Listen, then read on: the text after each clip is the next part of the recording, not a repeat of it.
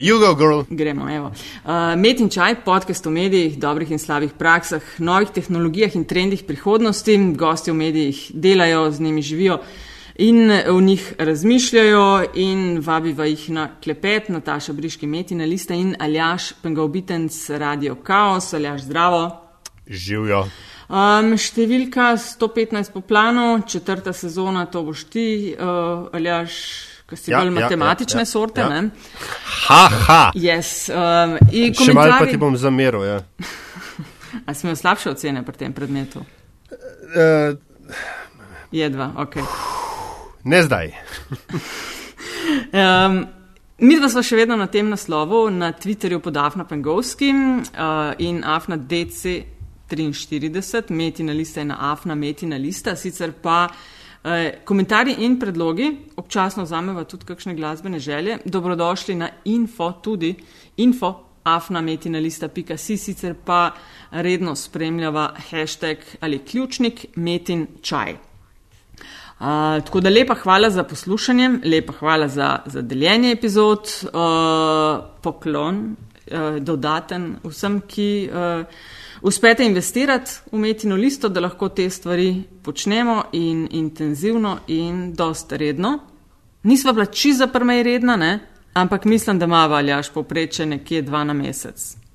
Ja, mislim, da ima približno takšno povprečje rednosti, kot je Ryanair točen. Hm. Tako je na 90 posto, no to hočem reči. Smo v redu, ne? A so ja. to točni? Ma ja, da oni so čist divji. Pa zdaj imajo celo boljše zice, ne, ne grizne več kolen. ja, to mi ta veliki. Uh, ja. V glavnem danes imamo spet krasno epizodo. Uh, če vas kakšna prejšnjih zamika, na Apple podcastih smo tudi, pa na različnih naslovih se nas da naročiti. Uh, drugač pa danes uh, klepetava z odgovornim haupturednikom časnika ali časopisne hiše Mladina, Grega, kako se prav reče? Ma, mi smo kar tednik. Do... Tednik, Mladina. Dan. Pozdrav vsem. Pozdravljaš vse, ki te poznajo. Okay. Um, Približen tako je. uh, mi dva zalažen, to moramo povedati čist pred začetkom. Ali sva imela v planu um, eno epizodo, v kateri bi uh, mogoče malo iz različnih kotov osvetlila ali pa obdelala to. Uh, poročanja o umoru Gašperja Tiča. Uh, mal smo se trudili dobiti goste, ampak tisto, kar sva hotela, nam na koncu ni, uh, ni glih ratelj. No, da, da nama, bi... nama ni še. Ni še, ja. Bi... In, tre, in treba je povedati, da ta epizoda v resnici ni bila v planu. Ne? Ja, to je bila seveda pač, bonus, red, izredna epizoda, ne, ja, ampak je ja. pač takšno dogajanje. Ampak zdaj, da bi vam ponujala neke benigne debatke, to se nam je zdel škoda časa, ali je narejen tako, da se vsaj približen gre, ali pa nekako se tega ne gremo. Je pa definitivno zapletena tema. Um, sej, če ste spremljali, gledali, pol. Uh, Ne rabim ponavljati, kako so eni takoj skočili na glavo, objavili vse nepreverjeno, neuradno. Uh, kar je tako kar precej ogabno. Uh, en del razumem, da so, me, da, da so vse ene stvari objavljale, ker je šlo za znano osebo, ne? ampak zdaj to spet ne more iti v nedogled. Uh, Verjetno, ne vem, ali až ga skoraj ni medija, ki bi zvedel, za koga gre, pa da ne bi tega objavil. Ne? Drugo je pa pol, v kakšne podrobnosti jih je nekatere razgonil. Uh, verjetno na slovence še dodatno, ko gre za karkoli v povezavi s seksom in gre v še ogabnejše nižine, ko se je začelo špekulirati o. O gej komponenti, da niti ne omenjam pol tiste armadice, tistih, ki so pol, oh, kaj to delate, kaj to delate, ne, hkrati pa vsi klikajo. Lej, ne vem, jaz sem. Uh, Ampak ja jaz sem pred, pred celi stvari. V, v bistvu sploh ne vem, če upam imeti mnenje. Veš, ja, se jaz. Kar je, kar je, jaz sem z Gašporjem namreč delal, ne, ne parkrat, take drobne stvari, ki smo snemali, uh mhm. -huh. velikrat je bil pred nas zgor na kaosu. Uh, skratka, veš človeka, ne, ne samo da veš za njega, ali pa ja, ne vem, ja. na kakšni ga službeno videvaš, ne, ampak je, je pač tam si, veš, roko mu daš, ne vem, eh, ve, 200 metrov stran je delal, ne, te je hodil na vaje, na karkoli. In, in um, mi je bilo, v, v bistvu se še enkoli v, v moji karieri, mislim vsaj, no se nisem sli, s, s takšno osebno, sleš profesionalno dilemo soočil, uh -huh. kaj, kaj naj si jaz mislim o poročanju ne, slovenskih medijev, uh -huh. o, mhm. katerem, o katerih se da po, po defaultu veliko. Se pa spet povedati, niso vsi ne? v enem košu, ampak ja. Okay. No, no, ja, ja, ja, tako, ja. Ampak, ampak uh, dajmo reči, da je, da je uh, nivo spremljivega na splošno v slovenski medijski krajini uh, zaskrbljujoče nizek, ne? ne glede na temo. Veš, pa se pa kaj ta zgodi. In, in, in veš, potem na koncu nisem več vedel, a zdaj jaz to reagiram zato, ker sem na neki ravni prizadet. Okay ali je, ali je dejansko pač stvar, ali smo ponovno dosegli dno, kot se temu reče. Mm -hmm. in, in sem zato se poskušal nekako ven zadržati iz teh debat in, in sprašvati, ne za pač without, kako se temu reče. Uh, fear Kao, or brez. prejudice. Ne? Ja, ja. Uh, ne, pač, zakaj je kdo to naredil, kaj se kdo o tem misli in tako dalje. Ne? Mi je bilo pa pač bolj zanimivo, ker so bili pa odzivi na ta pobaranje. Ja, ja, ja. Skratka, ja, definitivno o čem se treba govoriti. Dosti defenzivni. Ne, viš, in, in mislim, da če ne čist drugega, pač če odmislimo samo človeško in profesionalno in uh, družinsko tragedijo v končni fazi, ne, ker to se, to se kar pozablja v celi zgodbi, ne, da ta človek imel, imel otroke ja, ne, ja, da, ja, ja. in tako dalje, so ljudje, ki so mu bili blizu, uh, uh, da se je treba vendarle spet ponovno še enkrat pogovoriti o enih stvarih in Slejko prej bo, po mojem, prišel, ja. gled, bo prišel čas, ko bodo morali tudi uh, v, pač slovenski mediji z, bom rekel, trademarki z imeni, ne, uh, uh, se posuditi s pepelom in reči, Pa naslednjič bo isto. Stvari smo v preteklosti. Ja, glej, mislim. Pa kaj bo, oh, jokalo, mi smo pa kle na robe, pa v naslednjem primeru se bo nam bo pa spet razgonil. Dokler je poslovni model vezan na rating, glej, bo tist, kar se bo klikal. Ja, ne, ne glej, vem, no, ne, ne, ne vem, glej, recimo, veš, če hočeš, če hočeš zelo, zelo tako, New York Times se mogoče kaj naučil iz tiste zgodbe z ambedanimi vojaki, pa z fake uh, news, ki so jih imeli tam kaj konc 90-ih, ki jih je njihov novinar kar pisal pa objavljal veliki mediji, mislim, veliki mediji v smislu širine duha, ne, velikosti duha, se kaj naučijo iz svojih napak. No, uh, definitivno nekaj, o čemer je treba govoriti. Tole snemamo um, za vaše informacije v četrtek, v petek izide Sveža mladina, epizoda gre v programu soboto. Grega, ti, če so moje informacije prave, uh, pišeš v uvodniku o tem, o čem pišeš pravzaprav. Nisem pa brala, evo. Sam namignjeno mi je bilo, da o tem pišeš. Kaj je nekako tvoje stališče ali kako si ti to videl, preden gremo k klasičnemu vodu umet in čaj. Ja, v resnici sem pisal celo več, pisal sem glavno temo. Okay. Pisal sem jo 30 ur. vmes jo desetkrat, desetkrat zbrisal in desetkrat na novo napisal. Zato, ker uh, uh, in v resnici opredelitve niso lahke. Ja. Uh, opredelitve pa niso lahke, zato ker uh, uh, vsi nihamo od lastnega svetništva uh -huh, uh -huh. in se ujamemo v lastno svetništvo, ko gledamo druge. Ja. In v resnici je pa uh, tisto, kar je pokojnemu Gašporju tiču, treba dati pravico, moj pravico treba dati, da je človek. Ne? Človek, ki pije alkohol, kar je dovoljeno v tej državi ja. in o tem pišem. In uh, človek, ki uh, uh, je odprto živel svoje geovsko življenje, s čimer tudi ni nič narobe. In, uh, in kar ni nič nenavadnega, nič mm. nedostojnega, nič nezakonitega.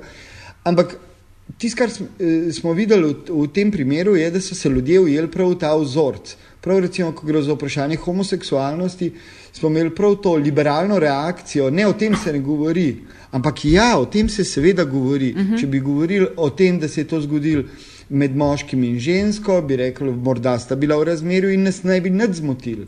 Tisto, kar se je zgodilo v tem trenutku, je, da je zgodba pogon dobila prav uh -huh. uh, skozi to prikrito homofobno reakcijo, to ne vedno homofobno reakcijo, ki uh -huh. se je mhm. zgodila. Z drugimi besedami, da je nenadoma se je uh, uh, ljudem zazdelo, da imajo pogled v nekaj, kar se ne bi smelo zgoditi, pa je popolnoma normalno življenje, ki ga tudi sam živim. Uh mhm. -huh. In prav v Eh, tukaj imamo veliko stvari. Imamo zelo mladega fanta, imamo znano osebo, imamo uplete, eh, brez dvoma upleteno z drog, pri čemer kot še enkrat povdarjam, govorimo o alkoholu, lahko tudi o čem drugem. In najbolj normalno je, da ljudi to zanima. Ne moramo, ne moramo avtomatično na to zanimanje obesati patologije. Reakcija pa seveda je patološka. Uh, uh, kot je rekel o tem uh, kriminolog in penolog uh, Dragan Petrovc, ljudje se tem zgodbam posvečamo brez dvoma iz neke nezdrave radovednosti, ko razmišljamo, kaj se je vse med njima moralo v tisti sobi, v tistem stanovanju dogajati, in si delamo naši bolni domišljiji neke spektakularne scenarije. Uh, ko je treba nasititi to našo strast po nečem spektakularnem, pa so slike divje. Ampak po določenem uh, času človek mora se spustiti na to treznejšo raven razmisleka. Ne? In takrat pač vedeti, da se je zgodil pri vsem nekaj zelo hudega. Ne? In, da, uh, in da imamo na koncu mladega storilca kaznivega dejanja, ki ga bo ta zgodba zaznamovala za celo življenje.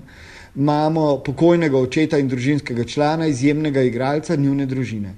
In tisto, kar se je treba znati vprašati v taki zgodbi, je, kaj mi počnemo v njej, kaj imamo mi z njo.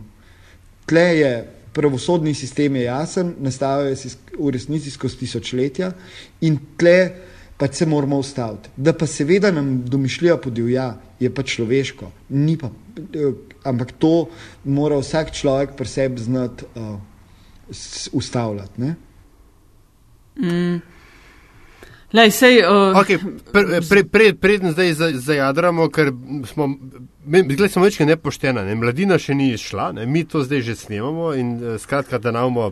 Sej, da Gregorju, ne bi šli. Ne? Ja, Vetra je ja, malo, ja. iz jadra in tako dalje. Gregor Pavš, um, dobrodošel v Metinem čaju. Uh, kdo si, kam si? Ja. Uh, sem pač novinar, ki trenutno upravlja funkcijo urednika, ampak najprej sem novinar. Uh, trenutno, kako to misliš, Grega, kako to misliš trenutno, pa se si že leta? To je pa res, jaz mislim, da sem eden od urednikov. Skozi vidi, ali kaj. mislim, da sem urednik z najdaljšim mandatom, če dobro razmislim. 11 let. Ja. Trenutno, ja. ja. Trenutno je 11 let. Že. No, okay. Poudarek je na, na tem, da je uh, urednikovanje pač funkcija znotraj novinarstva. Ampak da najprej okay, sem yes. pa novinar. Uh, poveš, kje si kaj prej, ja, prej bil? Kaj si počel, preden ja. si postal? Ne, Pred letom 2006. um, ja, v resnici sem začel delati kot novinar uh, uh, na mladini in to zelo daljnega leta 88. To je bil bil, ja, leta 88, ko sem bil star 15 let, uh. sem začel nositi sendviče pa Coca-Cola, Marcelo Štefančič. Uh, uh, na mladino sem prišel tako, da sem valjda, kaj pa drugega, tako kot vsi, imel nek časopis v srednji šoli. Uh, ki pa so ga, takrat je bilo še malo občutljivo leto, ki pa so ga leta, konec leta 87 zaradi intervjuja s takratnim načkofom Šuštarjem in njegove božične čestitke v šoli prepovedali, uh, mene pa začasno izključili. A res, iz šole si bil izključen? Ne za dolg, da ne bo imel nekega naštva. Uh, bil sem izključen pač dober teden, časopis je bil prepovedan, uh, potem pa je, sta o tem pisala mladina in na to dnevnik, in nenadoma so pač stvari se odvile v drugo smer, in časopis je bil še enkrat natisnjen. Mene pa je nek hecen tip po imenu Franci zavrl, uh, povabil, da če hočem kaj delati, pa lahko. Torej, lahko nosiš sendviče. In pa, pa sem čakal naslednje mesece, dokler nisem objavil tiste prve dve vrstici. Ampak ti bi v bistvu hotel, ti bi lahko imel tako rekoč veteransko penzijo, ne, Pol, po tej logiki, veš, zaslugarstva, disidentskih časov in tako dalje. Ja. E, Če bi za novinarje to bilo. Mali, ja, mali Janša, kaj mi je. Uh, ej, uh, mi dva bi ful rada. In to je bilo to, ti v bistvu si skozi po mladini, ne že ruska. Ne, ni res. Sem, uh, potem sem učil, uh, pa sem bil na mladini do konca srednje šole. Uh, in uh, ko sem šel na faks, sem nehal delati kot novinar in se v času faksa začel delati potem na delu in tam ostal od leta 1994 uh, do leta 2006, uh, ko po enem slabem letu maltretiranja Danila Slivnika in Petra Jančiča, kar je pomenilo, da nisem smel delati in da sem bil vse čas prikazan kot neka. Oziroma, kot pač maltretiran, tudi v smislu, da, se, da mi je pač takratni predsednik uprave govoril, da ne pozabim, kdo mi hrani otroke in take stvari. Sem dal neki točki odpoved, se zmenil s prijateljem, da bom lahko pri njemu delal kot kelner. In čez par dni, ko se je pač to razvedel, uh, dubo ponudbo z mladine, če bi prišel k njim za urednika. Tako sem prišel na mladino. Aha, in zdaj si pač trenutno že 11 let uh, urednik mladine. Le, mi dva bi, bi želela s tabo pač klepetati resno malo o tem ustvarjanju mladine, uh, malo o tem, no to bi mene tudi ful zanimalo, te priloge, ki jih delate, parkrat, koliko dvakrat, trikrat na leto, ne, glih imam pred sabo, imam, imam Biblijo pa populizem trenutno. No? Ja, te priloge smo začeli se s prilogo intervjuja.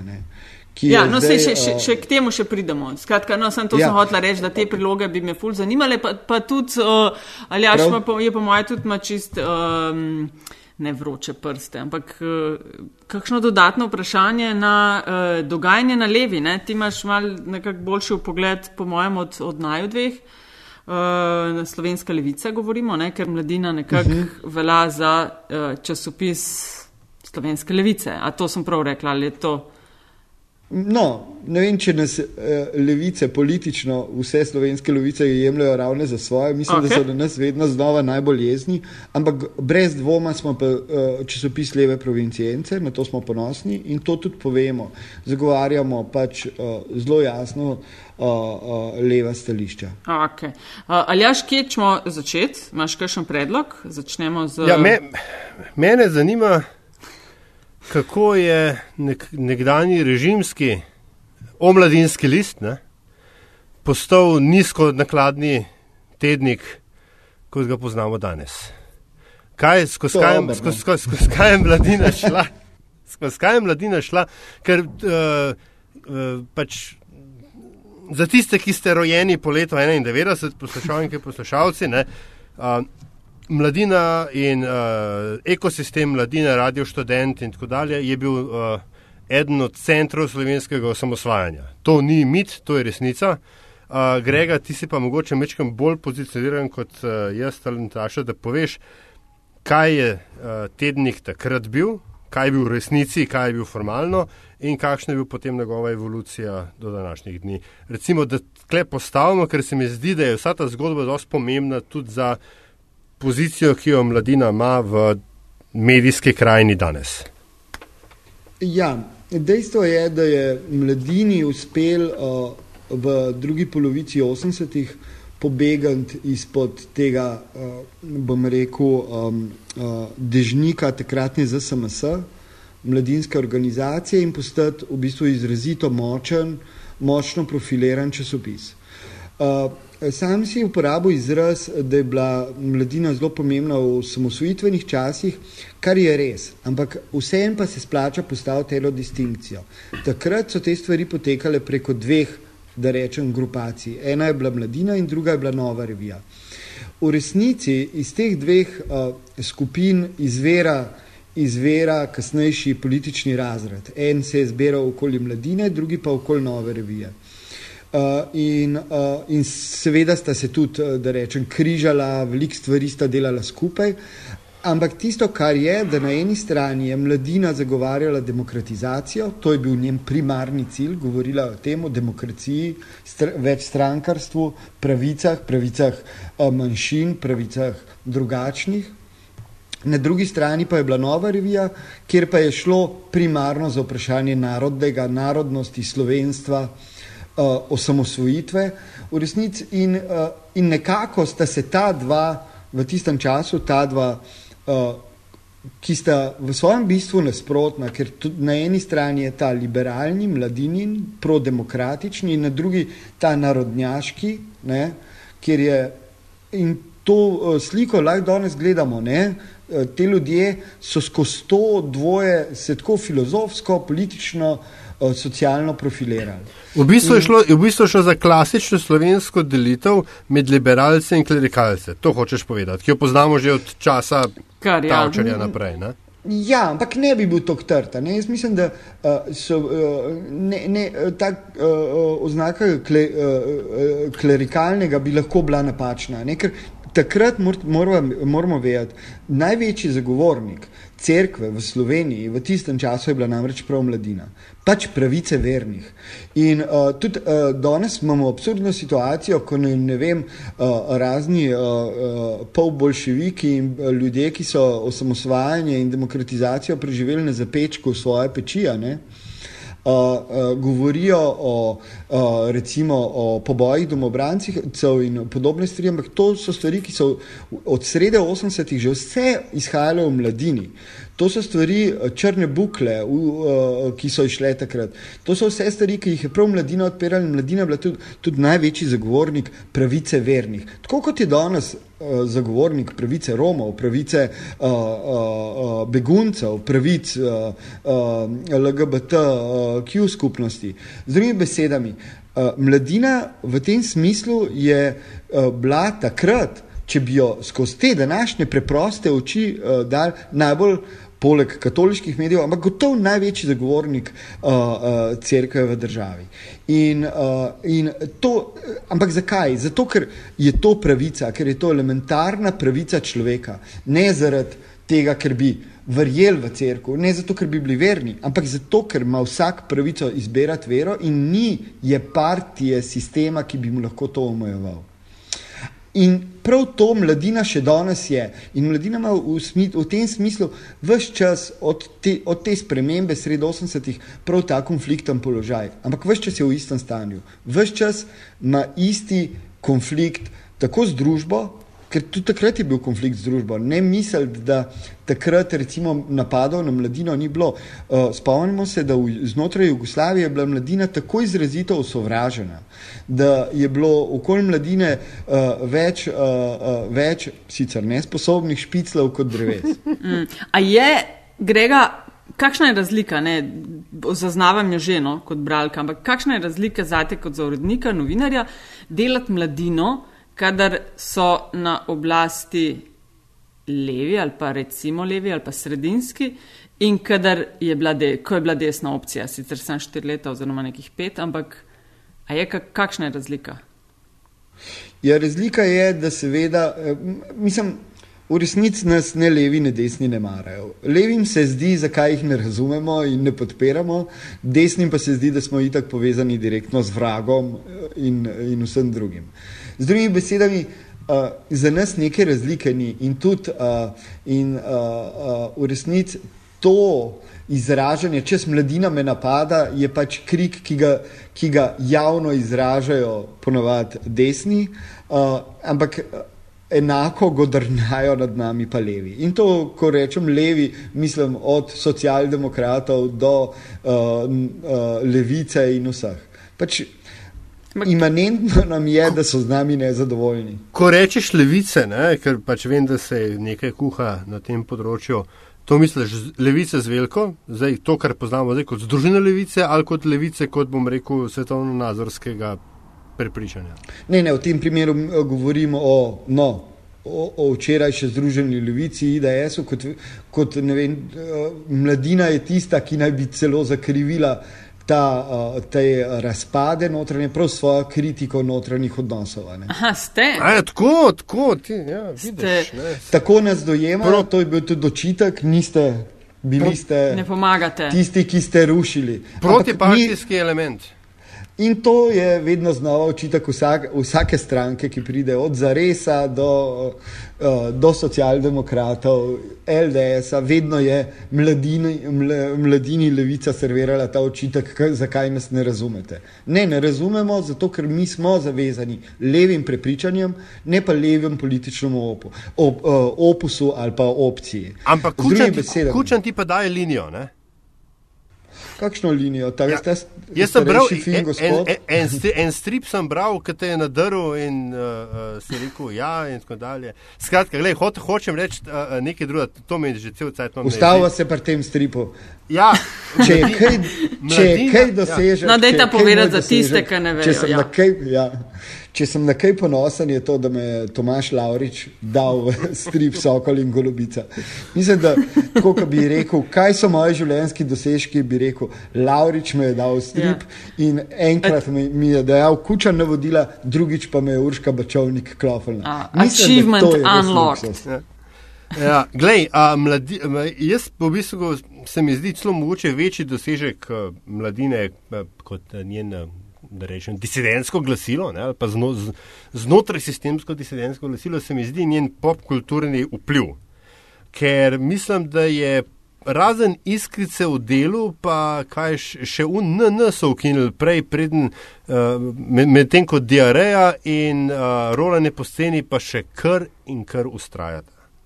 Drži, drži. Mislim, da to so pač. Uh, je, to so, uh, atributi mladine, za, nje, za katere sam nimam nobenih zaslug. Lahko jih sam spoštujem in se jih ne dotikam. Ampak da ne boste mislili, ali pa poslušalci in poslušalke, da jaz kaj manj strahom odpiram rolanje kot vsi tisti, ki v njem nastopajo. Čakaj, ne, ne veš vnaprej. Ne, seveda ne vem, Roland je že vse čas pripravila ekipa neimenovanih, ki se enkrat na teden dobi in potem pač pride ta paketek in jaz to vsak teden s strahom odprem. Koliko je, je Grega trenutno ali pa vse približno nekako naklada uh, mladine, pa kakšna je bila, ne vem, ali so zdaj najboljši časi ali pa kakšna je bila v najboljših časih. Ker to skozi beremo mal, koliko uh, naklade padajo, ne? ampak če to mal poveš. No.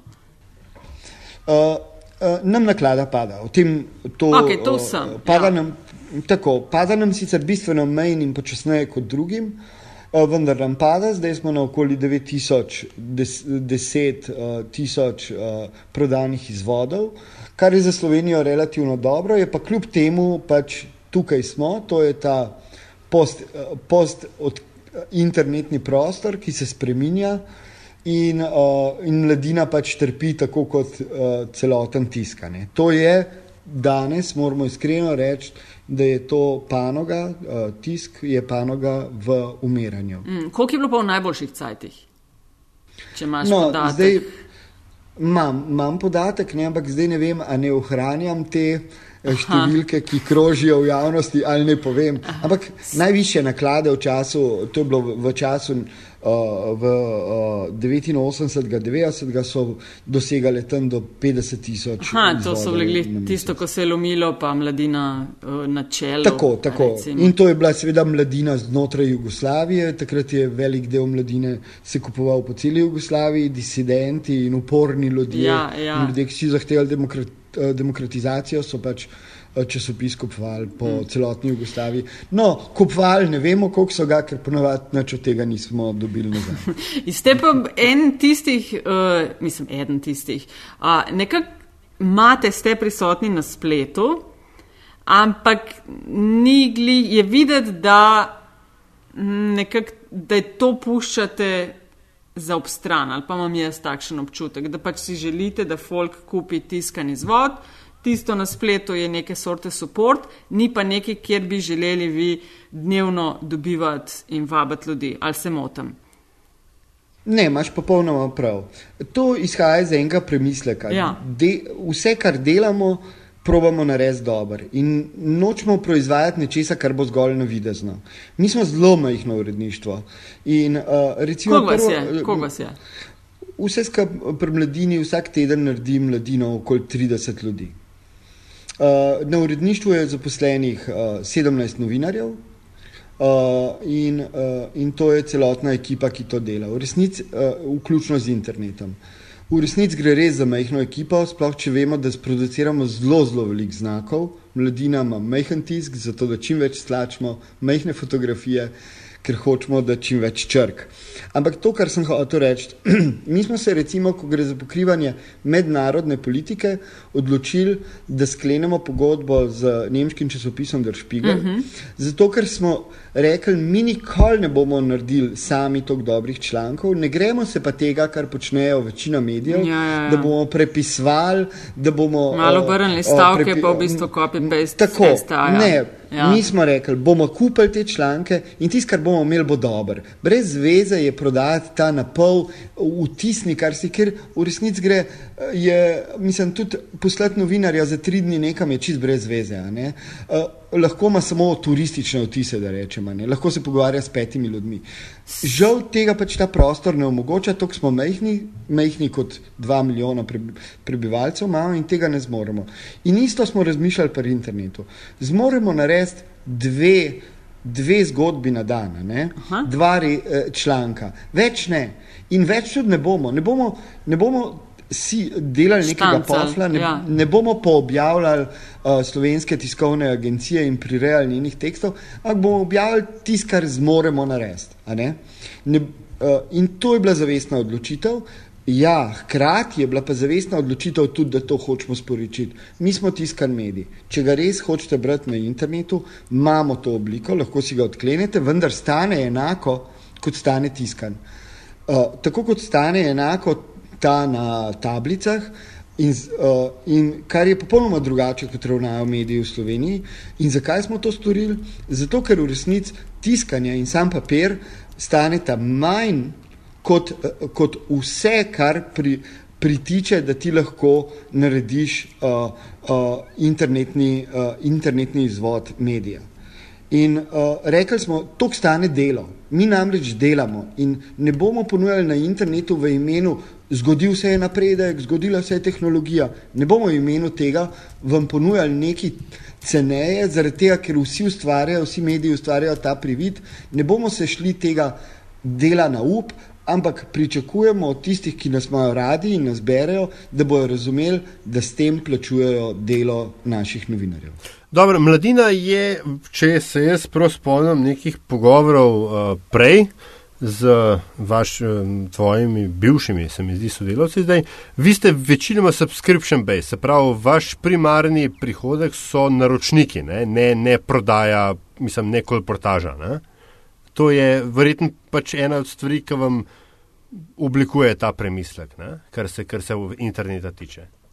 Um, absolutno, absolutno. Mi, mislim, mi uh, sicer nimamo toliko velika, ne, kot si ti rekel, ampak imamo, dosegamo 60 do 70 odstotkov, nar, zdaj točno številke ne vem, uh, naročniških razmerij. Uh, in prav to, to nam omogoča pač to, da rečem tudi samozavest, da nam ni treba delati uh, naslovnic, ki bi privabljale, ni nam treba delati naslovnic s hišami politikov, zato da bi pač štartali na to, uh, na to uh, prodajo uh, trenutnega vzgiba. Ne? Ja, glej, no, ja, štekam, ja. okay. gliho, ampak, ampak ker si že gliho omenil naslov, tako no, mes, kot, ved, ja. kot vedno imam milijon vprašanj. Ne. No, ampak najprej, naslov. Uh, um, ne, naslov, bom pol, ker drugač bom okay. to špiglom pozabil. Uh, vmes je bilo eno obdobje, ko vi niste objavljali špiglovih tekstov. Se, se, a jaz se prav spomnim. No, Uh, ko sem jaz prišel, smo to uvedli po dveh letih, uh, prej pa ja. nismo sploh imeli tega. Ja. Lej, zdaj... to, mislim, smo z, s tem začeli, prvo smo šli z Guardianom, potem smo pa uh, na podlagi tega sodelovanja s Špiglom in Guardianom ugotovili, da v resnici pa nam manjka teh tujih tekstov, še bolj kot se nam je zdel. In smo ustvarjali tudi nov časopis Globala, ja. kjer so prevodni teksti. Tako da mi se s temi prevodi zelo ukvarjamo, to je ena od naših dejavnosti. Naredili smo v resnici nam je uspel narediti, uh, to je eden redkih projektov, uspešen nov, tednik, uh, nov mesečnik in to je Global, ki je velik, ne, ki ima zelo veliko bralcev.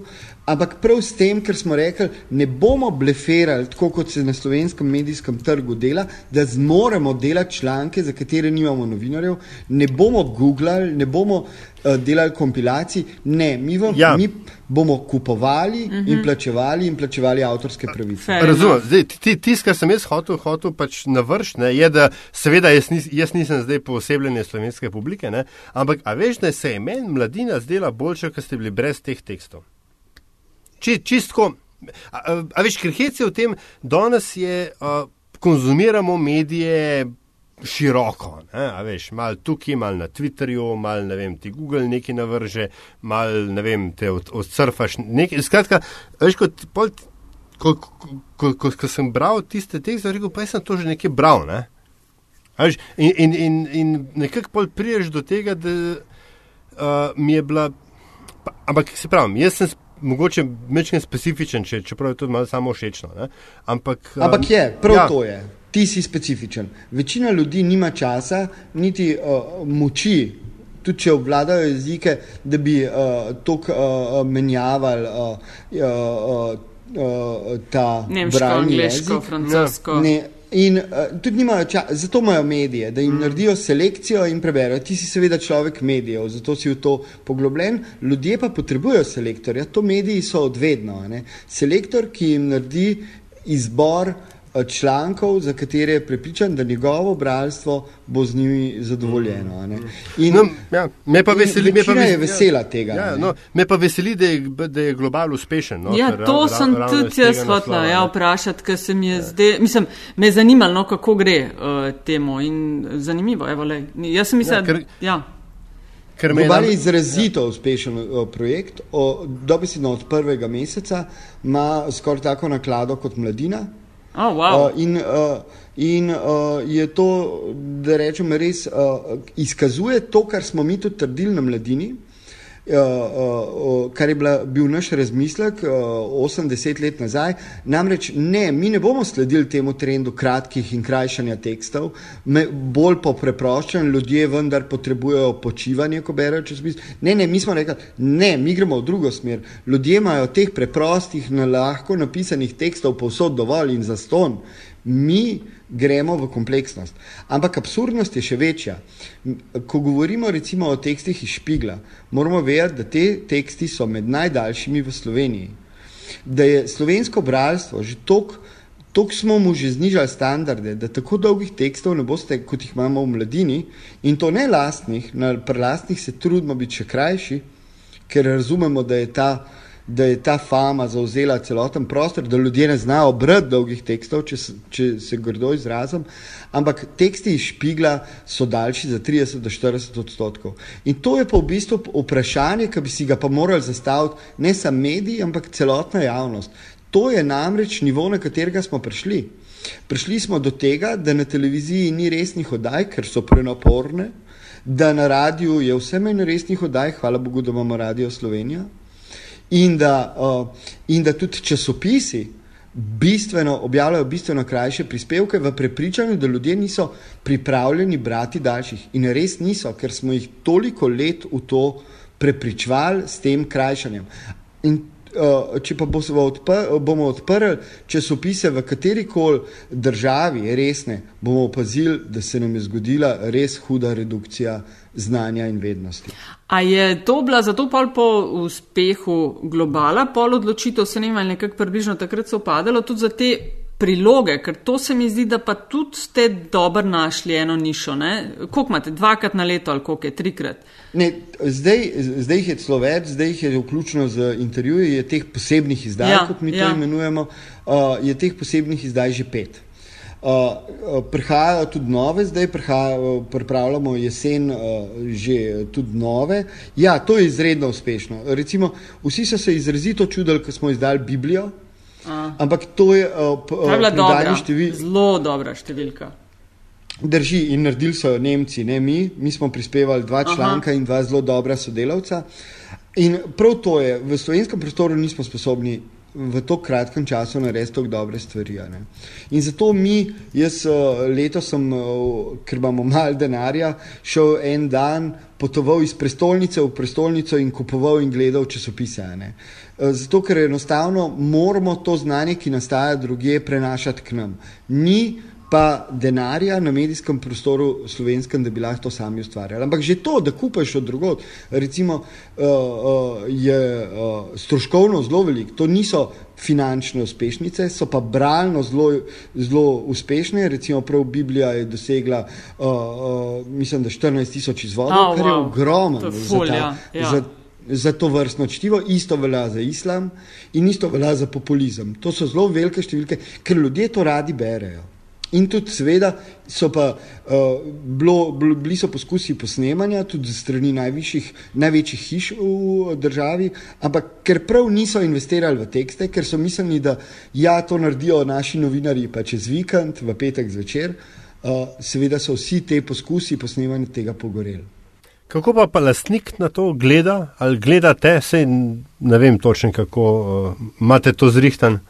Jaz nisem lastnik mladine, par, par lastnikov, recimo Bernard Nežmah, Robert Boteri je še iz prejšnjega časa ostalo, Najve, naš največji lastnik pa je uh, zamejska družba KB 1909, ki nas je kupila v resnici pre, zaradi preteklih odnosov, ker je mladina bila spet, kar sem že na začetku govoril, tista, ki je bila slovenski manjšini vedno zvesta. In ko se je znašla v času Janševe vlade v težavah, so bili prav zamejci tisti, ki so razumeli, da je v tem trenutku pomembno zbrati v resnici relativno nizka sredstva in pomagati mladini.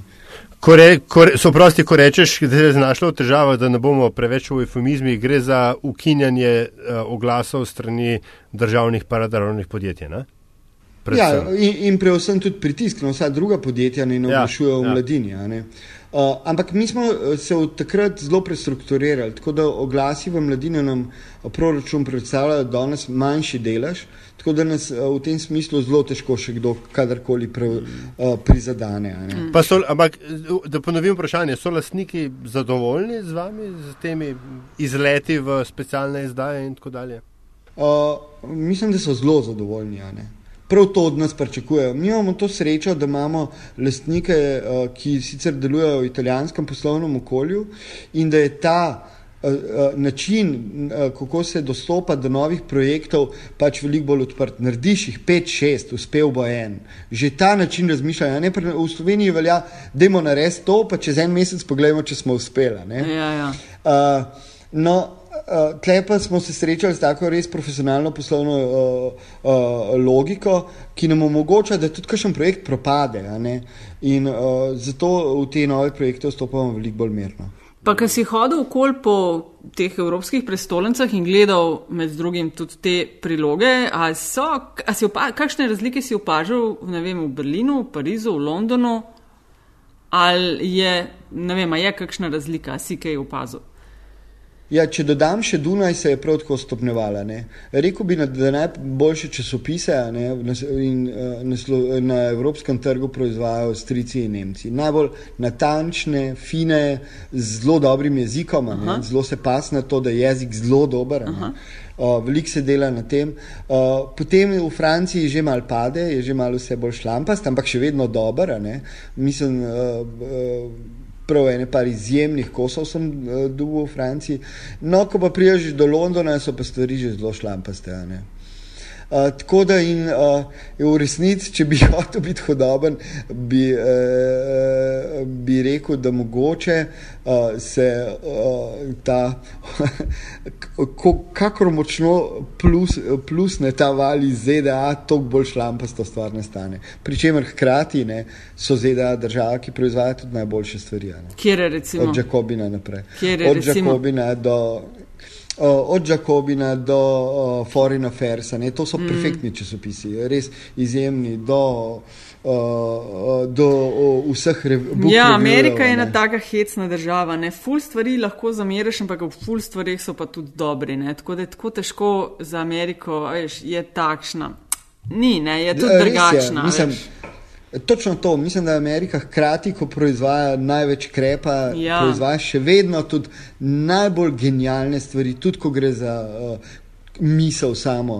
Tudi, mm. za, a pa si uh, gledal, a pa si gledal sam tako bolj tiste uh, časopise, priloge, ki pokrivajo, ali pa so bolj levi, ali si tudi desne gledal, ali karkoli že pač, pa si, si vse gledal pogledal in vzel. Jaz, jaz zelo rad, be, mislim, jaz zelo rad berem uh, tuj tisk, ne glede na uh, provincijenco, zato ker je dober. Okay. Uh, in uh, tle vse foreign affair je zelo konzervativno. Sredinci, recimo, recimo ampak, ja. Ja, ja ampak z, z evropskega ja, ja, ja, ja, ja. stališča ja, ja. je to popolnoma konzervativno. Z evropskega stališča vse, a veš. Ja, točno to. Ampak je ja. izjemno dobro narejen in izred, izjemno poučen. Mm. No, Ko smo že pri primerjavah, ne, um, The Economist je slovenskega vidika neoliberalen časnik. Ne? Absolutno. Uh, ampak uh, tam gore pa velja za pač levo-sredinskega, tako rekoč. Ne? Ja, ga ne, uh, nekako ne marajo neoliberalci. Ja, ne? No, sej to so te stvari, ki jih mi iz tukaj, zato ker smo tako zaprta družba, ne glede na internet in odprte meje, nismo bili še nikoli tako zaprti, kot smo zdaj. Uh mhm. -huh. Tako mal, mi smo včasih imeli vsaj Beograd in Zagreb in se vsaj. Kokarkola in Sarajevo, in se je vsaj nekaj mešalo, zdaj se ne meša nič. Ne. Ja, Ta ja. zaprtost je neverjetna, tudi medijska.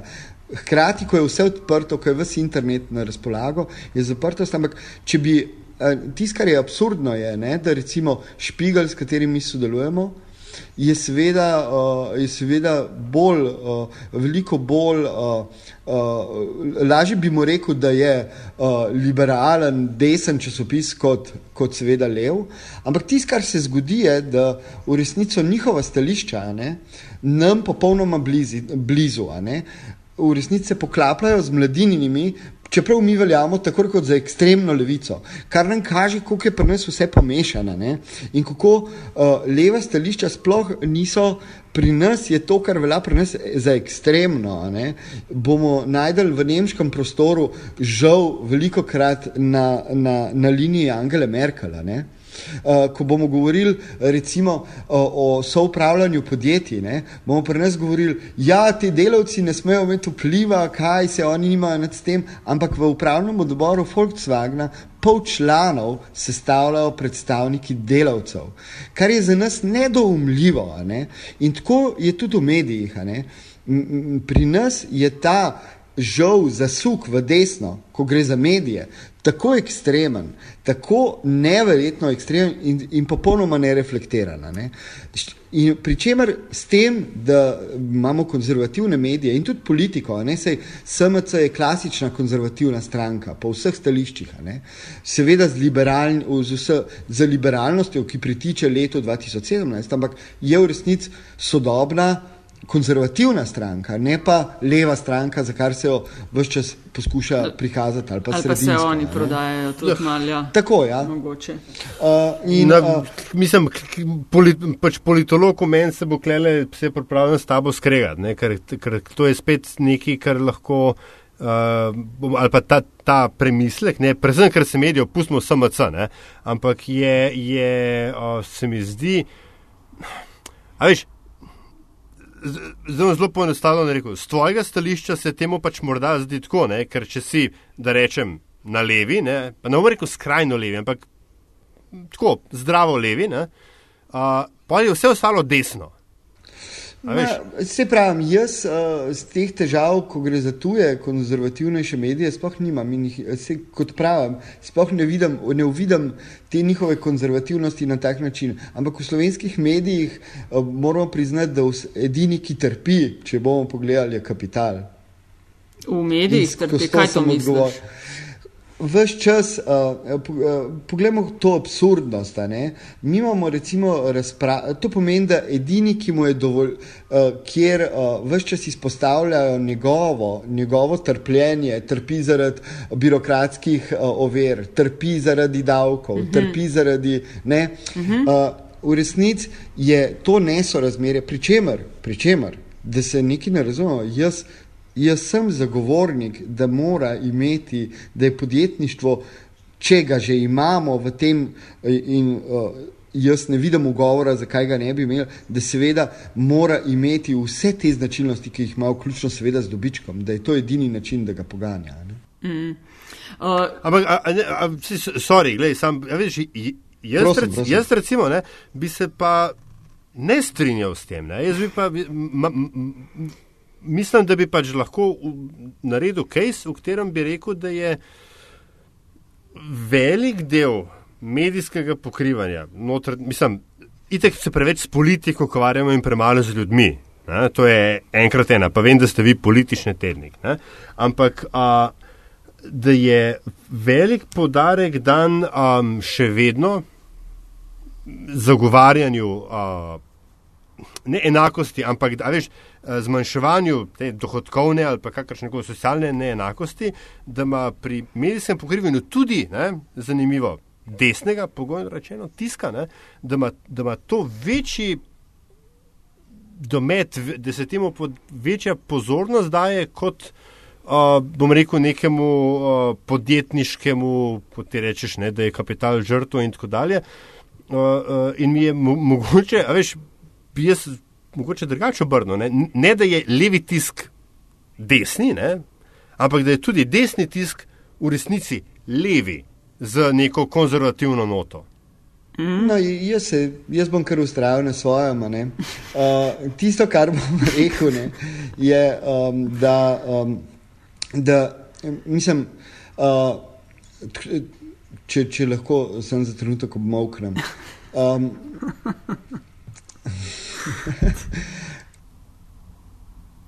debata ne, glede uh, uh, te države, koliko je, uh, je pro-kapitalska ali pa pro-usmerjena uh, v državo blaginje, se začne pri vprašanju obdavčanja premoženja. Mi smo država, ki ima najnižjo obdavčitev premoženja, mhm. nepremičnin in to je resnično, resnični opis tega kapitalizma.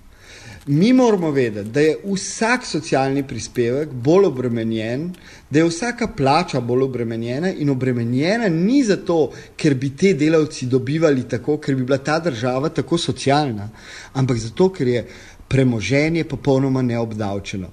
Tega se nikoli ne povem, ampak se slika vse čas, pri čemer še res ni, kako eh, je delo pri nas drago, pa ni, bruto plača v Avstriji je neprimerljiva na istem delovnem mestu v Sloveniji. Uh, ampak mi smo država, ki ima popolnoma neobdavčeno, v resnici neobdavčeno premoženje. In to premoženje, torej nepremičnine, uh, celotno uh, imamo nizke davke na delnice, imamo nizke davke na lastnino kot tako. In to je resnica o tem kapitalizmu. In znotraj in diskurs, ki ga prav tudi ti načenjaš, je diskurs, ki na to avtomatično pristaja. Nobena vlada se sploh ne upa obdavčati premoženja, zato ker je to premoženje ta. Ta bistvo, ker smo ga postavili na ta piedestal nedotakljivosti. A ti v Sloveniji obnovijo fasado, če sam ne skrbiš za njo, v Švici ti jo, Zato in ti vzamejo to premoženje. Pri nas bi se ljudem zmešali, če bi država prišla in rekla: Ti imaš neobnovljeno fasado, zdaj ti jo bo država obnovila in odslej bo 23 odstotni lastnik tvoje hiše. To bi se nam zdel hujši poseg v pravice ljudi kot karkoli, kot, kot oduzem otroka. Že, ampak, ampak to je socialističen refleks v bistvu. Ne, Zato, ne, ne, ne, ne, ne. Ja, to je pač nerazviti kapitalizem. Vem, to je način, kako smo vzeli kapitalizem. Ne, vzeli smo ga kot slikanco, ne da, bi, ne da bi razumeli, da ta kapitalizem je neka razvita tvorba. In še vedno ne moremo iz tega, da bi si končno ogledali o o čem govorimo. Mislim, kako je možno, da mi živimo v prepričanju, da država investira v ljudi, v državo blaginje tako veliko, pa so pri nas. Je skrb za socialno ogrožene, ko gre za stanovansko politiko, zanikaren proti, proti oprostite, ampak proti najbolj neoliberalni državi v uh, Evropi, recimo Veliki Britaniji. Ni ga reveža, ki bi prišel do tega statusa, skrbi za njega kot, kot ga doseže v Veliki Britaniji pri nas. Mi se moramo zavedati, da smo res v zelo grobem kapitalizmu, ampak da smo verniki tega kapitalizma, ki sploh ne obdavčuje premoženja. Ali se sploh zavedamo tega norega absurda? Ja, a, ironija, veš, ironija. Jaz se strinjam s tvojo tezo o, bom rekel, tej luknji ne, neobdavčenja premoženja, ki je seveda uh, v oči bijoča. Ne? In poglejmo, kaj se je zgodilo s poskusom vlade Lenke Bratušek. Samo eno pod vprašanje, ja, to je za tako ekstra a, epizodo. Ne, ne, ne hočem okay. ti reči to. Grega, ironija je, da se liberalci strinjajo s tabo. A veš, to hočem reči, da mi smo res pomešali ene, ene velike stvari. Jaz sem te hotel, zdaj smo eh, mentalno prav, malo smo zašli.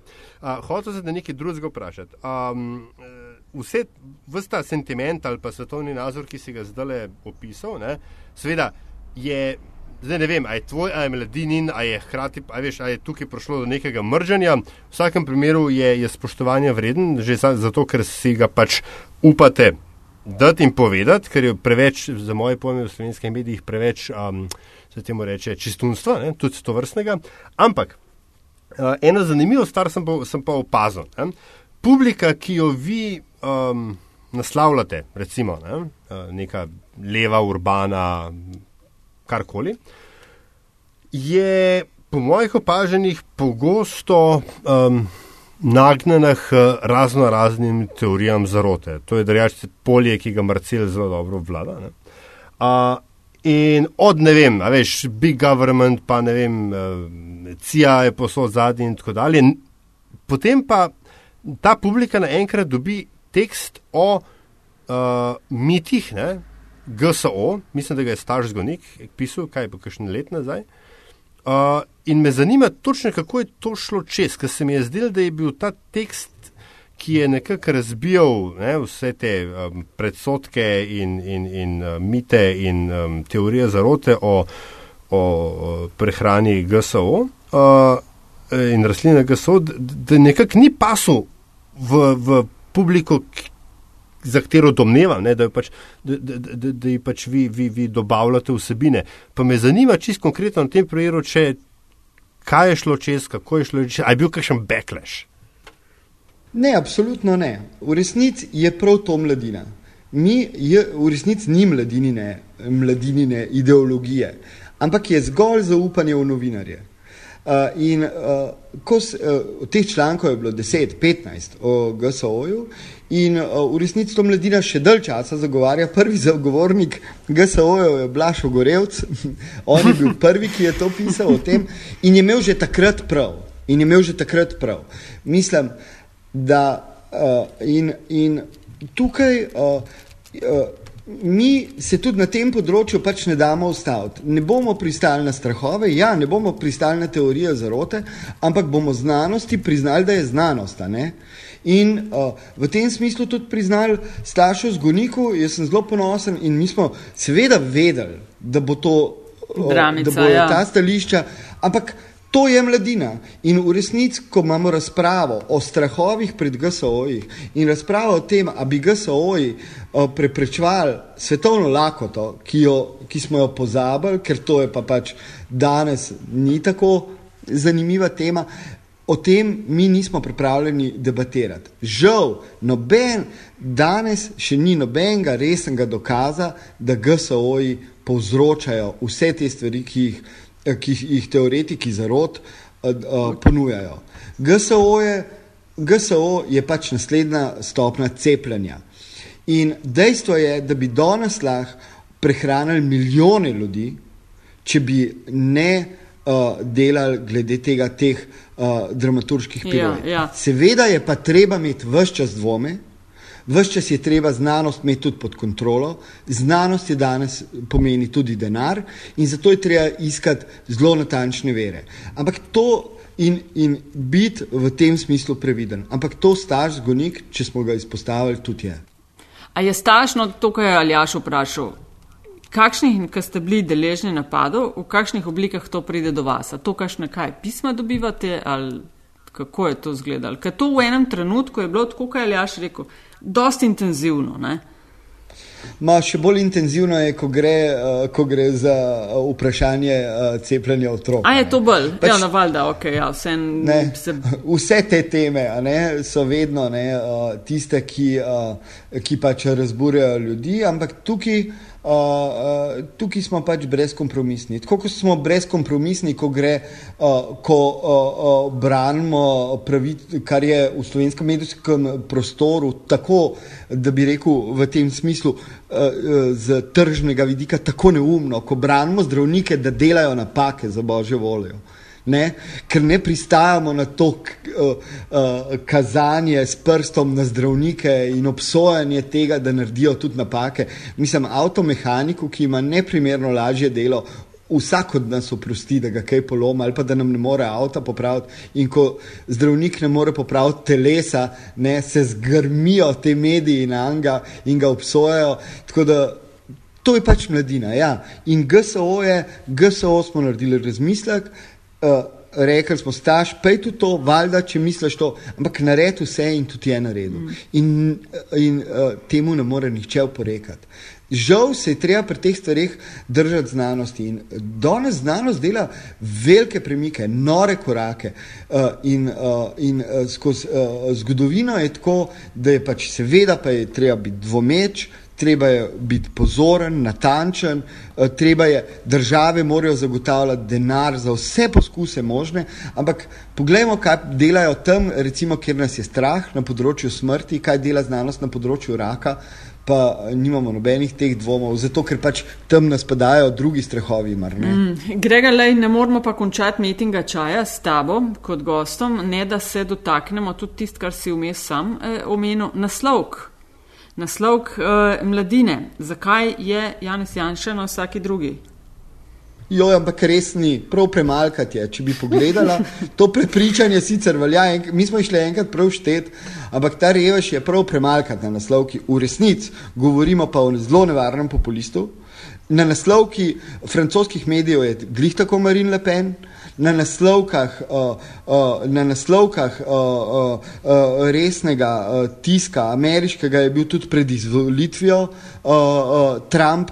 Ja, ta človek in njegova politika, ki jo zagovarja, je populistična, nevarna. Če bi se, in nime sram te primerjave, ki jo bom izrekel, čeprav je tvegano, če bi se Hitler pojavil na dovolj naslovnicah v pravem času, bi morda doživeli kakšno manj grozoto v tej Evropi, kot smo jo. Ja, prosto, ampak Hitler je bil, kaj že, time, time man of the year in tako dalje. Veš?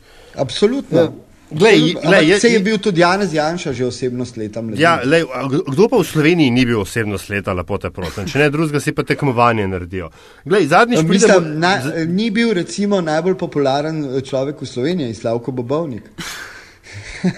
ima pa, ima pa milijon Viktorjev. Lej, zadnjič, ampak glej, zadnjič pridemo v Ljubljano, ne, um, Bonf, ne, spet Jan, Janša gor. Dej, a, mislim, a, lej, glej, če, zdaj, zdaj, če bi vi res naprej razmišljali, ne, bi bil gor ali šprinc na naslovkah. Veš, k, k, ja, ne, ne bi bil. Jan, mi, Jan, mi še, ne dej, Jan še že piše, kuči propalo. Veš, to, to je, to je samo še neka, neka uh, senca svojega bivšega sebe. Ne? Uh, in je včasih se mi zdi. Ne, ni, ne, ni. To je človek, ki trenutno ki trenutno po vseh anketah in to dolgoročno, že dve leti, ki mu vse ankete nakazujejo zmago na volitvah. Če bo, Jan, če bo Janez Janša naslednji, mislim, premije kadarkoli še, ne, ti plačem pivo. Joj, kaj jaz dobim? Okay, ti praviš, da bo, ti praviš, da ne. Fuck. Ne, jaz sem pravim, jaz sem pravim, da. Uh, uh, Štekam, ja, ja, ja, ja, ja, ja. ja, ja, se, se razumem. In vedno, zno, vedno znova mislim, vedno znova se išče te naslovnice mladine. Ja, to in vedno znova se vsem. To opazimo. Ampak to so ne bralci, ne? v resnici so ne bralci. Dejstvo pa je, da nam vedno znova to očitajo in da vedno znova vsi trdijo, da Janez Janša ne bo prišel na oblast. Janez Janša je človek, ki je prišel na oblast leta 2000 ki je prišel na oblast leta 2004, ki je prišel na oblast leta 2011 in ki je pravkar zmagal na kongresu, vodi na vseh lestvicah, vodi odločno. Vodi odločno in njegova stranka ima toliko podpore kot vse ostale skupaj. Lej, mislim, ja, okay, lej, razumem razmislek, ne, razumem razmislek, uh, uh, se pa Mlad, mladine ne, hočeš reči, da ti gre Janez Janša na živce. Razumem, jaz to razumem. Ne, ne, ne, ne, ne, ne, stvar, ne, ne, ne, ne, to polaga. Meni gre na živce to, da se vi to z Janša ukvarjate. Žal ga imamo, žal je, žal je lejte, lejte, jaz mislim, da slovenski politični prostor ni sestavljen iz levice in desnice, ne, ni, ampak je nor, sestavljen iz politikov, ki so vsi ostali in stranke, ki je v resnici konglomerat zelo nenavadnih tipov, ki so vstopili v politiko in uh, jo zasedli, čeprav ne delajo politike, to ni politika, ampak je uzurpacija družbe. In v resnici je to naša anomalija, ki se je ne moremo znebiti. Zato, ker uh, to ni politika, politiki, uh, jaz politiko spoštujem. Politika ni laž, politika niso klevete. Politika je vseeno poklic, ki ga velja spoštovati, če hočemo, da bodo spoštovanja vredni ljudje tja hodili. In da je ta stranka, in to se v resnici celoten političen prostor celo strinja, od NSI do najmanjše stranke, je anomalija anomalija, ki je pa velika in s katero eh, ta družba ne zna upravljati. Ampak dej, to dejstvo imamo in ga moramo pripoznati, ne moramo se delati, da ne obstaja. Ne, pa ja. bi bilo uh, ful lažje. priznam, ampak je to naša stvarnost, da je, da je ta način ta anomalija zasedla politiko. To ni nobena konzervativna politika. Jaz ne pristajam, da je Janez Janša ali pa SDS konzervativna stranka. To nima s konzervativno ne, ne, politiko nobene veze. Tukaj se seveda vsi strinjamo. Tisto, kar pač uh, jaz ocenjujem, ne, je, da, je, da, je uh, ne, da se je SDS v obče in Janez Janša kot ena personifikacija, da je že na točki, kjer je strah, kako že je voto, od znotraj pa nič ni. Ne? Ja, t, uh, v resnici me je leta 2004 pred volitvami Ervin Milharčič uh, prepričal, kako uh, sem jaz paranoičen in paranoični novinar, takrat so bila še oba dva na delu, ker dejansko je pa čist normalen in demokratičen. Mislim, da ima sam sabo velika ločena mnenja do tistega obdobja. Ja, ne, ne, glej, nisem, nisem rekel, da je Janša normalen in demokratičen. Ne? Govorim ti o tem, samo, da ta... mo, moč, ki jo on projicira, ne, mislim, da, da, da ga doj, se mi zdi no, od zunaj, spet ne, ne kot del vašega uredniškega procesa. Ne? Uh, ampak uh, da ga dojemate močnejšega, kot danes v resnici je. Mogoče, mogoče ti bom enkrat lahko na kakšnem pivu, če so ga kdaj dobila, ki ima malo bolj detaljno to razložil, ampak se mi zdi, da, se, veš, da, je, da je, so sateliti, opa, sateliti okoli Janša ta hip, ne, večja nevarnost, dolgoročna nevarnost slovenski družbi kot, kot, kot uh, uh, uh, pač človek, ta človek sam in, in, da, in da se mogoče tukaj, da obstajajo neke slepe pege, ki se jih mogoče premalo zavedamo. No? Hmm. Kar se, pa recimo, ej, ideja za naslovke, a veš, gled, če že lahko, če se že pogovarjava. Kaj? Ja. Ne, ne, ne, ne mislim, a veš, da, da, da, da, ne če da ti sugeriramo naslovko kot tako, ampak tako, da, da mogoče še, še kam drugam pogledati. Ja, Ampak, ja. lej, res klikajte potem na spletno stran mladine in pogledajte, koliko je bilo v zadnjih petih letih naslov z Jana Zojanša presenečena, boste, koliko malih je bilo. Čak, kako pet, čovek, če se je rekel, da je šlo kot 2000, dajmo malo, veš, da je spet ne, poglej, ne, ampak pogledajte zadnjih pet let, pogledajte zadnjih deset let. No, pa dej nam ti to prešparej, pa povej, v zadnjih ja, ja. desetih letih smo izdali, ne vem, XY mladin, na tolikih je bil na naslovki Janša. A veš, na pamet. Um, dobro, ampak tega res ne vem na pamet. Tega res ne vem na pamet. okay. Lahko zdaj le kliknem. Ne, ni treba, da povem, da je to trajalo. Ja, ja, ja. Ni treba, bomo, bomo šli klikati no, lej, eno soboto, ja. nedeljo. Uh, a gremo k zanimivosti še, čeprav seveda je še veliko stvari. Ne vama povem sam to, no, ker tako hiter sem pa bil, da je bil letos od 25 številk samo na dveh. Ah, to pa ni. Ja, Ja, to je žal res. To bom žal šel prav preveriti. Je, je, bila, je, bila, je, bila pa, je bila pa Marija Antoneta, ne? Marija Antoneta, ja, ampak je bil cerar Marija. Ja, Antoneta. ja, vem, vem, vem. vem. Kles, kles, se, Klej smo se da smo malo zapela. Jaz, jaz, ki sem kvot naci, kako lahko napačen, napačen citat od Marije uporabljam? No, o tem poteka zelo resna debata, tako da mi nismo napačen ga uporabljali, ampak o tem, kateri, eh, kako, kaj je citat. A potica pa kruh. Kompleksna debata. Ja, ja, tako, ja. Pustimo to, zdaj si to prešparati. Okay. Dajmo si to pošparati, povejmo pa ja. zanimivost, Grega. Uh, ne, tako kot sem ti napovedala, končujemo podcast z eno zanimivostjo, ki jo z nami deli uh, gost oziroma gosti. To je lahko karkoli, ali s svojim delom povezano, ali x, ali nekaj poveš, kar si fajn prebral, ali nekaj, kar misliš, da bi mogli vedeti. Veliko tega si seveda povedal, ampak zdaj je posebna kategorija zanimivost in zdaj nastopaš spet. A ja, lahko je. Ja. No, zanimivost. to se mi zdi vedno zabavno, ker me vedno ljudje zelo debel gledajo. Lahko povem, kaj počnem v tem smislu uh, prostega časa najraje. Vsem zabavno. Lahko smo malo tabloidni, ja, povej. Ja, lahko smo. Pač vrtim tehno glasbo. Sem mislil, sem mislil da boš rekel, da vrtiš spinnerje. Ne, to ne, pa tudi otroka sta se že naveličala. Čakaj, v klubih to, koliko to za vikende, vsak vikend ali koliko pogosto? Ne, vsak vikend ne, ker me tokrat ne vabijo, ampak kadar me pa z veseljem. Namreč sem velik oboževalec tako plesa kot tehnoglasbe. Evo, to se mi zdi, da je čist dovolj, da pokažem, da, sem, da, da nisem da zgolj v novinarstvu. A imaš svoj DJ, imaš svoj DJ nickname? Uh, ne, nimam, odločil sem se, da bom kar Gregor Repavš. Da vse, kar bi naredil pri teh letih, kot nik ne bi bilo več. Ampak tudi moja velika vzornica. Ampak tudi moja velika vzornica, DJ-ka uh, Nina Huda je Nina Huda. Sam veš, da kopija ni nikoli tako kot original. To pa res, nikoli ne bom Nina.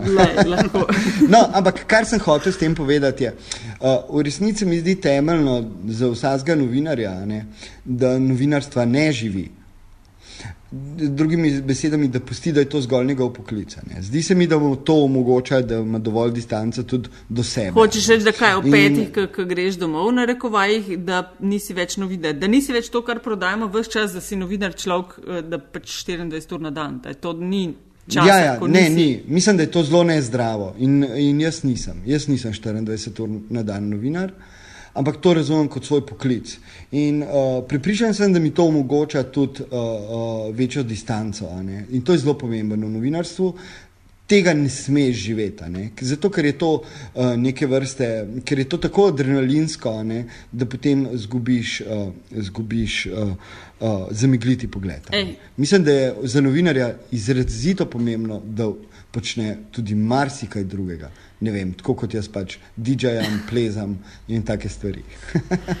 Ej, Grega, lepa ti hvala, uh, da hvala si se v bilu odzval, da si vse to uh, povedal in upam, da še kdaj. No?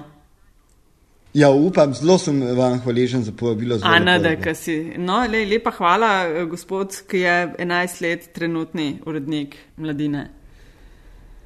Grega, Mislim, da, je, ja. da je že čas. Ja. Super je bilo. Okay. No, pa smo pa le končali. Evo, a ja, Grega, na Twitterju se te da dobiti, ne, podsukati za rokav pod Afna, Grega Repos, ne. Si, ja. koliko si reden tam, tam si, ne, ker se, mislim, a se vključuješ kaj v ja. debate ali to mal se na, na, na bremzo. V de, debatah sem bolj uh, distanciran, ne, zato ker imam. Uh, ker je premikavno, zato pazim. okay.